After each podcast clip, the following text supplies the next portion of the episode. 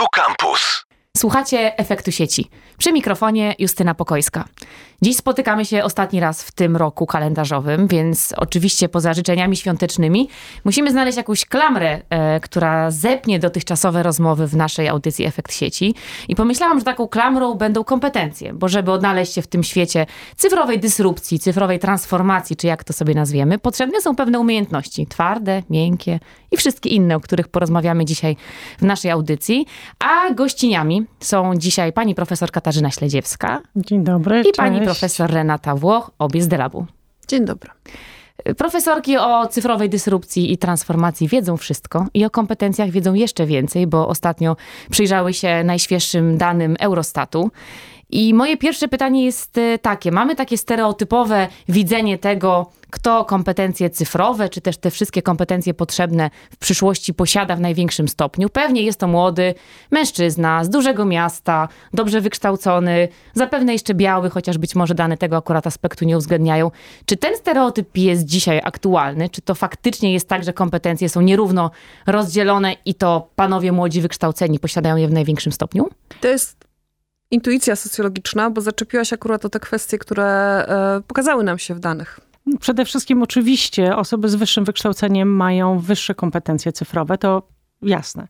I, Dlaczego e, jasne? Przepraszam, że spytam. Dlaczego jasne?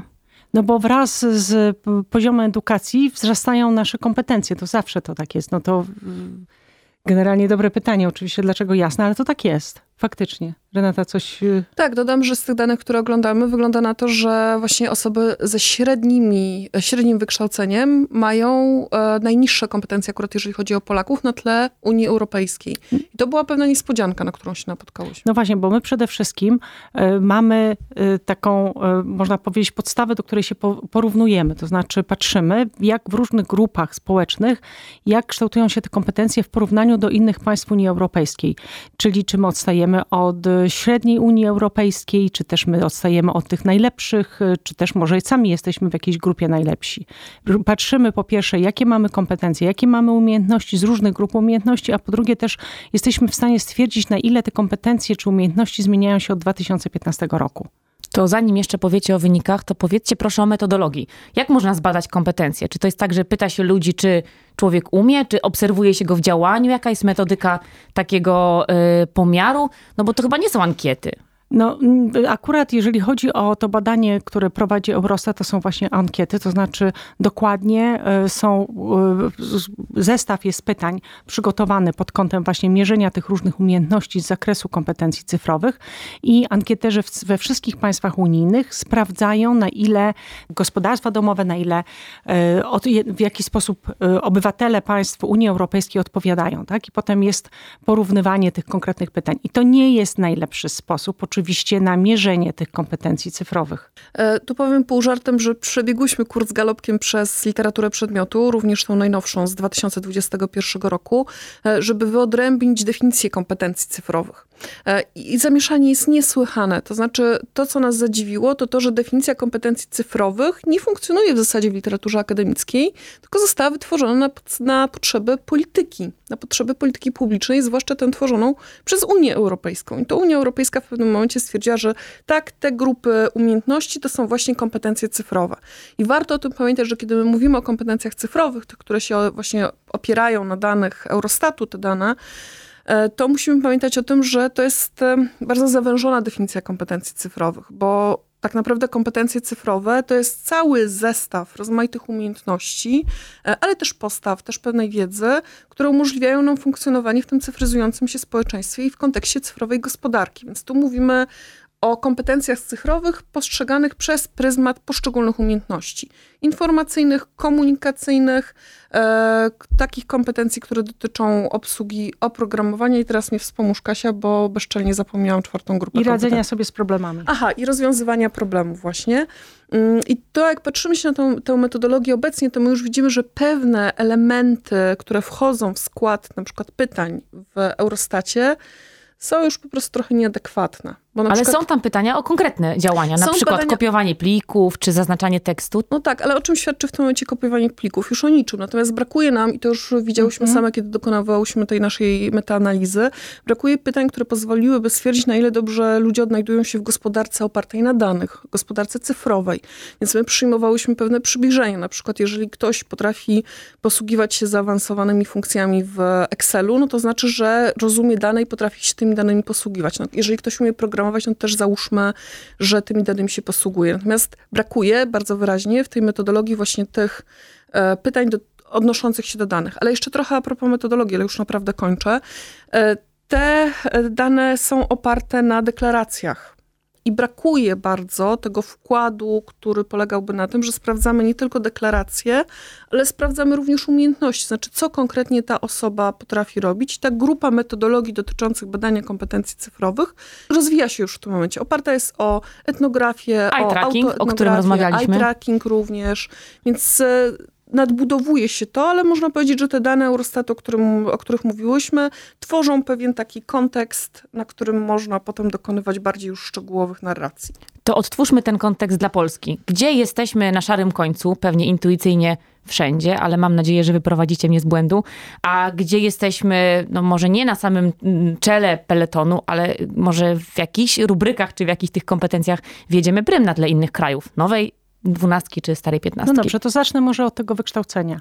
Mianowicie my, jeżeli popatrzymy sobie na te trzy grupy, czyli osoby z niższym, średnim i wyższym wykształceniem, to to, co widzimy, to tak, że po pierwsze osoby z niższym wykształceniem mają te kompetencje na niskim poziomie, to znaczy jest niewielka, niewielki procent osób z niskim wykształceniem, który ma ponadpodstawowe kompetencje cyfrowe. Natomiast my tutaj nie odstajemy od średniej Unii Europejskiej, to znaczy tak wszędzie jest. Tak samo źle. Tak samo źle, dokładnie. Jeżeli chodzi o wyższe wykształcenie, no to znowu, my jeżeli patrzymy na Polskę, no to kompet ponadpodstawowe kompetencje cyfrowe ma duża część społeczeństwa z wyższym wykształceniem. Natomiast my niestety jesteśmy poniżej średniej, jeżeli chodzi o te kompetencje. To znaczy wcale nasze, nas wykształconych osób, te kompetencje nie są tak wysokie, jak to jest w przypadku innych państw y, członkowskich. Na pewno najbardziej odstajemy, jeżeli chodzi o to wykształcenie średnie. I to jest duże tutaj, y, po pierwsze dla nas to było duże zaskoczenie, że aż tak źle to wygląda. Natomiast to jest też bardzo niebezpieczne. Dlaczego? Dlatego, że ta transformacja cyfrowa ona prawdopodobnie doprowadzi do tego, że właśnie osoby z średnim wykształceniem będą przedmiotem tego wypierania. To znaczy tam właśnie w te zawody, które one wykonują, zadania, czy to fizyczne, czy też e, umysłowe, to będzie wchodziła e, automatyzacja, autonomizacja ich zadań przez sztuczną inteligencję, przez, przez inteligentne systemy i tak albo roboty. I to one tak naprawdę mogą się znaleźć poza tym e, systemem, mogą mieć problemy z znalezieniem pracy. I jeżeli mają teraz tak niskie kompetencje cyfrowe, to oznaczać może, że faktycznie ich dotknie tak zwane to bezrobocie technologiczne. Tu jeszcze o jednym naszym zdziwieniu. Nasi informatycy wcale nie są tacy super na tle Europy. A mówiliśmy, że to właśnie mm, Europa e, polskimi informatykami stoi, że u nas jest to zaplecze technologiczne, tańsza siła robocza, lepiej wykształcona, relatywnie konkurencyjna e, dla innych krajów. Nie jest to prawdą? Nie jest to prawdą. Jeżeli popatrzymy na te umiejętności właśnie obracania danymi w Excelu, e, programowania, to się okazuje, że nasi informatycy dość mocno odstają od średniej, ale też, e, co jest szczególnie niepokojące, odstają od tych krajów, które należą do grupy liderów, jeżeli chodzi o rozwój właśnie gospodarki cyfrowej.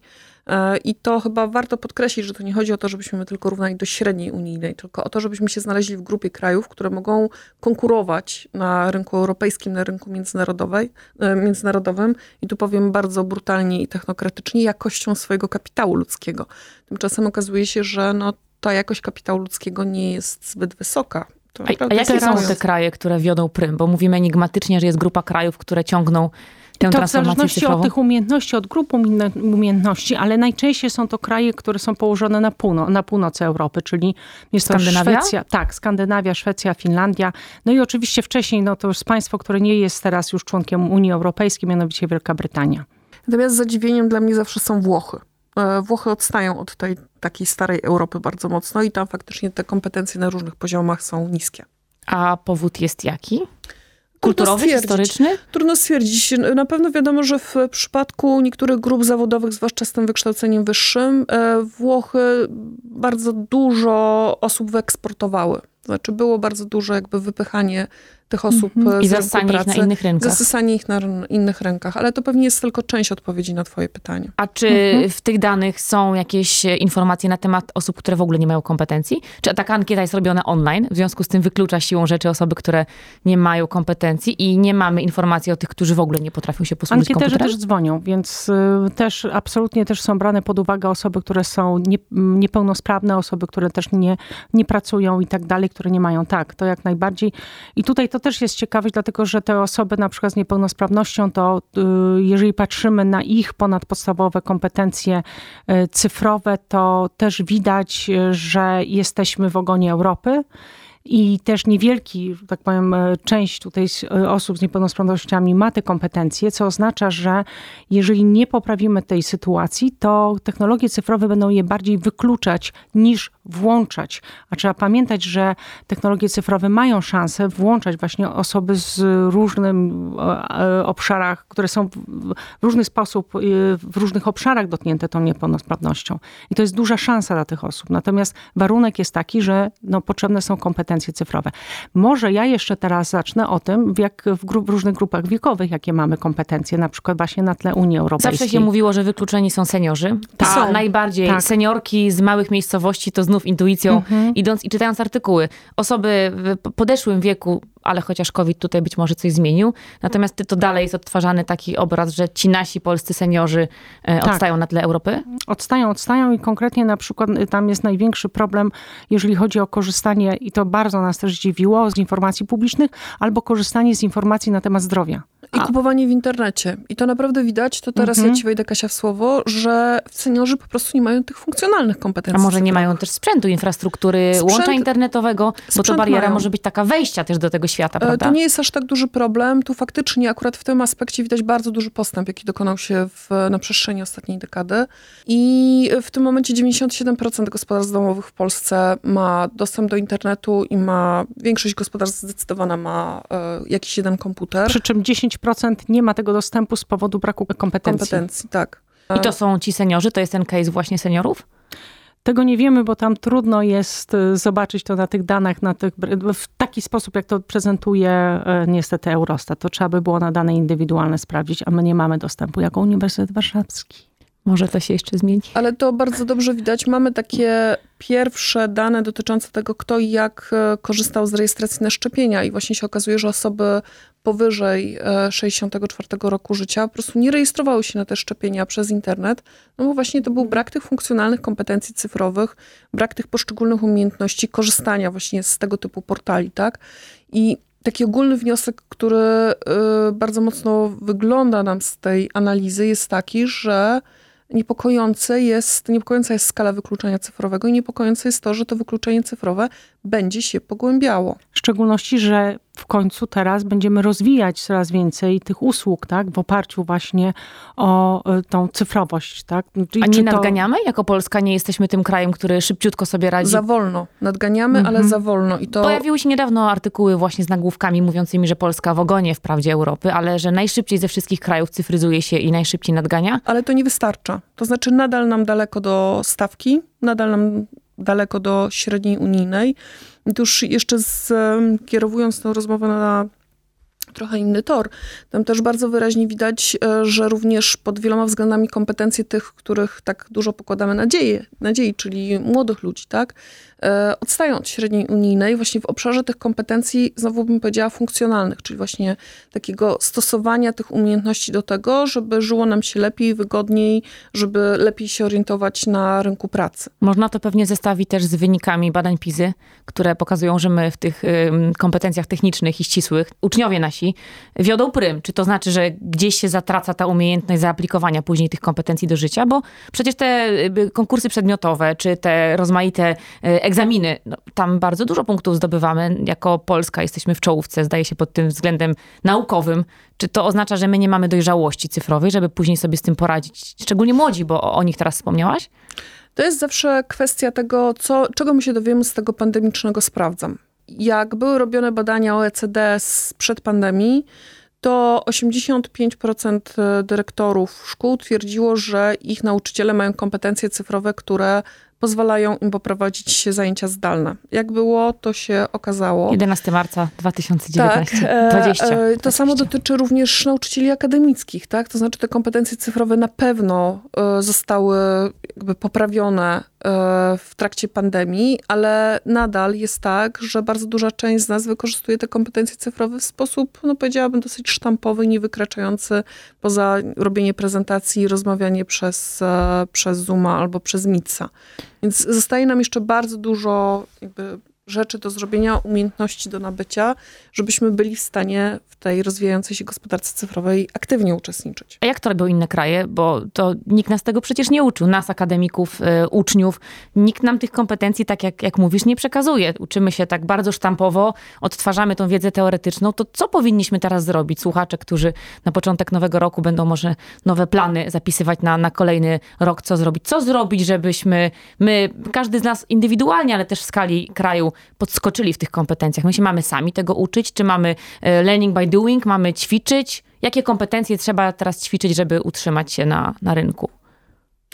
To, żeby się, żeby móc samemu się uczyć, to trzeba najpierw się gdzieś nauczyć tej umiejętności uczenia się. I to też jest jedna z kompetencji, e, o których mówimy. To jest podstawowa kompetencja, którą powinniśmy zyskiwać w systemie edukacji formalnej, po to, żeby później móc korzystać z tych naprawdę wielkich dobrodziejstw edukacji pozaformalnej i nieformalnej. To jest pierwsza rzecz. Druga rzecz, te kraje, które robią to dobrze, nie mówią o kompetencjach cyfrowych, nie mówią o edukacji informatycznej, tylko włączają kompetencje cyfrowe do uczenia absolutnie każdego przedmiotu. I tu to samo dotyczy mm. edukacji wyższej. Jeżeli bez względu na to, czy prowadzimy zajęcia ze wstępu do socjologii, czy prowadzimy zajęcia z socjologii cyfrowej, czy prowadzimy zajęcia z nowych metod. Czy z ekonomii. Czy z ekonomii. Makroekonomii. Mm, tak, socjologiczna perspektywa mnie to zdominowała. Czy TWM-u, Teoria Wymiany Międzynarodowej? Tam wszędzie powinniśmy uczyć tych kompetencji, które kształtują kompetencje cyfrowe, czyli no właśnie kompetencje wyszukiwania informacji, kompetencji radzenia sobie z problemami. I to też bardzo wyraźnie widać w tej najnowszej literaturze przedmiotu, że teraz coraz rzadziej się mówi właśnie o tych kompetencjach właśnie informacyjnych, wyszukiwania informacji, radzenia sobie z problemami itd., tak itd., tak tylko zawsze już się dodaje ten przymiotnik cyfrowy. W sensie trudno jest rozwiązywać problemy w codziennym życiu, jeżeli nie posługujemy się narzędziami cyfrowymi. To już jest jak powietrze, którym oddychamy. Dodam na przykład, że jeżeli mamy te zajęcia nasze na uniwersytecie, weźmy Wydział Nauk Ekonomicznych, to tam można rozwijać te kompetencje poprzez to, że na przykład pracuje się bardzo dużo z danymi i te dane uczymy, tych danych uczymy obsługiwać, obrabiać e, naszych studentów. I w ten sposób oni zdobywają najpotrzebniejsze analityczne e, kompetencje, które są teraz najbardziej potrzebne na rynku. Natomiast e, na przykład na wydziałach humanistycznych można nauczyć studentów o, e, analizy tekstu. O tekst miningu też tu rozmawialiśmy nieraz. No właśnie. I w ten sposób znowu z tych humanistycznych wydziałów wychodzą studenci, którzy mają najpotrzebniejsze obecnie na rynku kompetencje. To zbierając to, co mówicie, kompetencje cyfrowe, ale rozumiane nie jako informatyczne, bo to też jest chyba często konfundujące. Myślimy kompetencje cyfrowe, widzimy kierunek studiów informatyka, mhm. reprezentujecie socjologię, ekonomię i tam też te kompetencje są rozwijane w sposób zaawansowany. Kompetencje analityczne, Kasia powiedziałaś, to mhm. jest coś, co jest ważne. Kompetencje... Analiza danych. Analiza danych. Mhm. Co jest jeszcze potrzebne dzisiaj? kompetencje oceny wiarygodności źródeł informacji. To jest kluczowe i to jest właśnie chyba jedna z najważniejszych tych funkcjonalnych kompetencji cyfrowych, których e, możemy uczyć naszych studentów.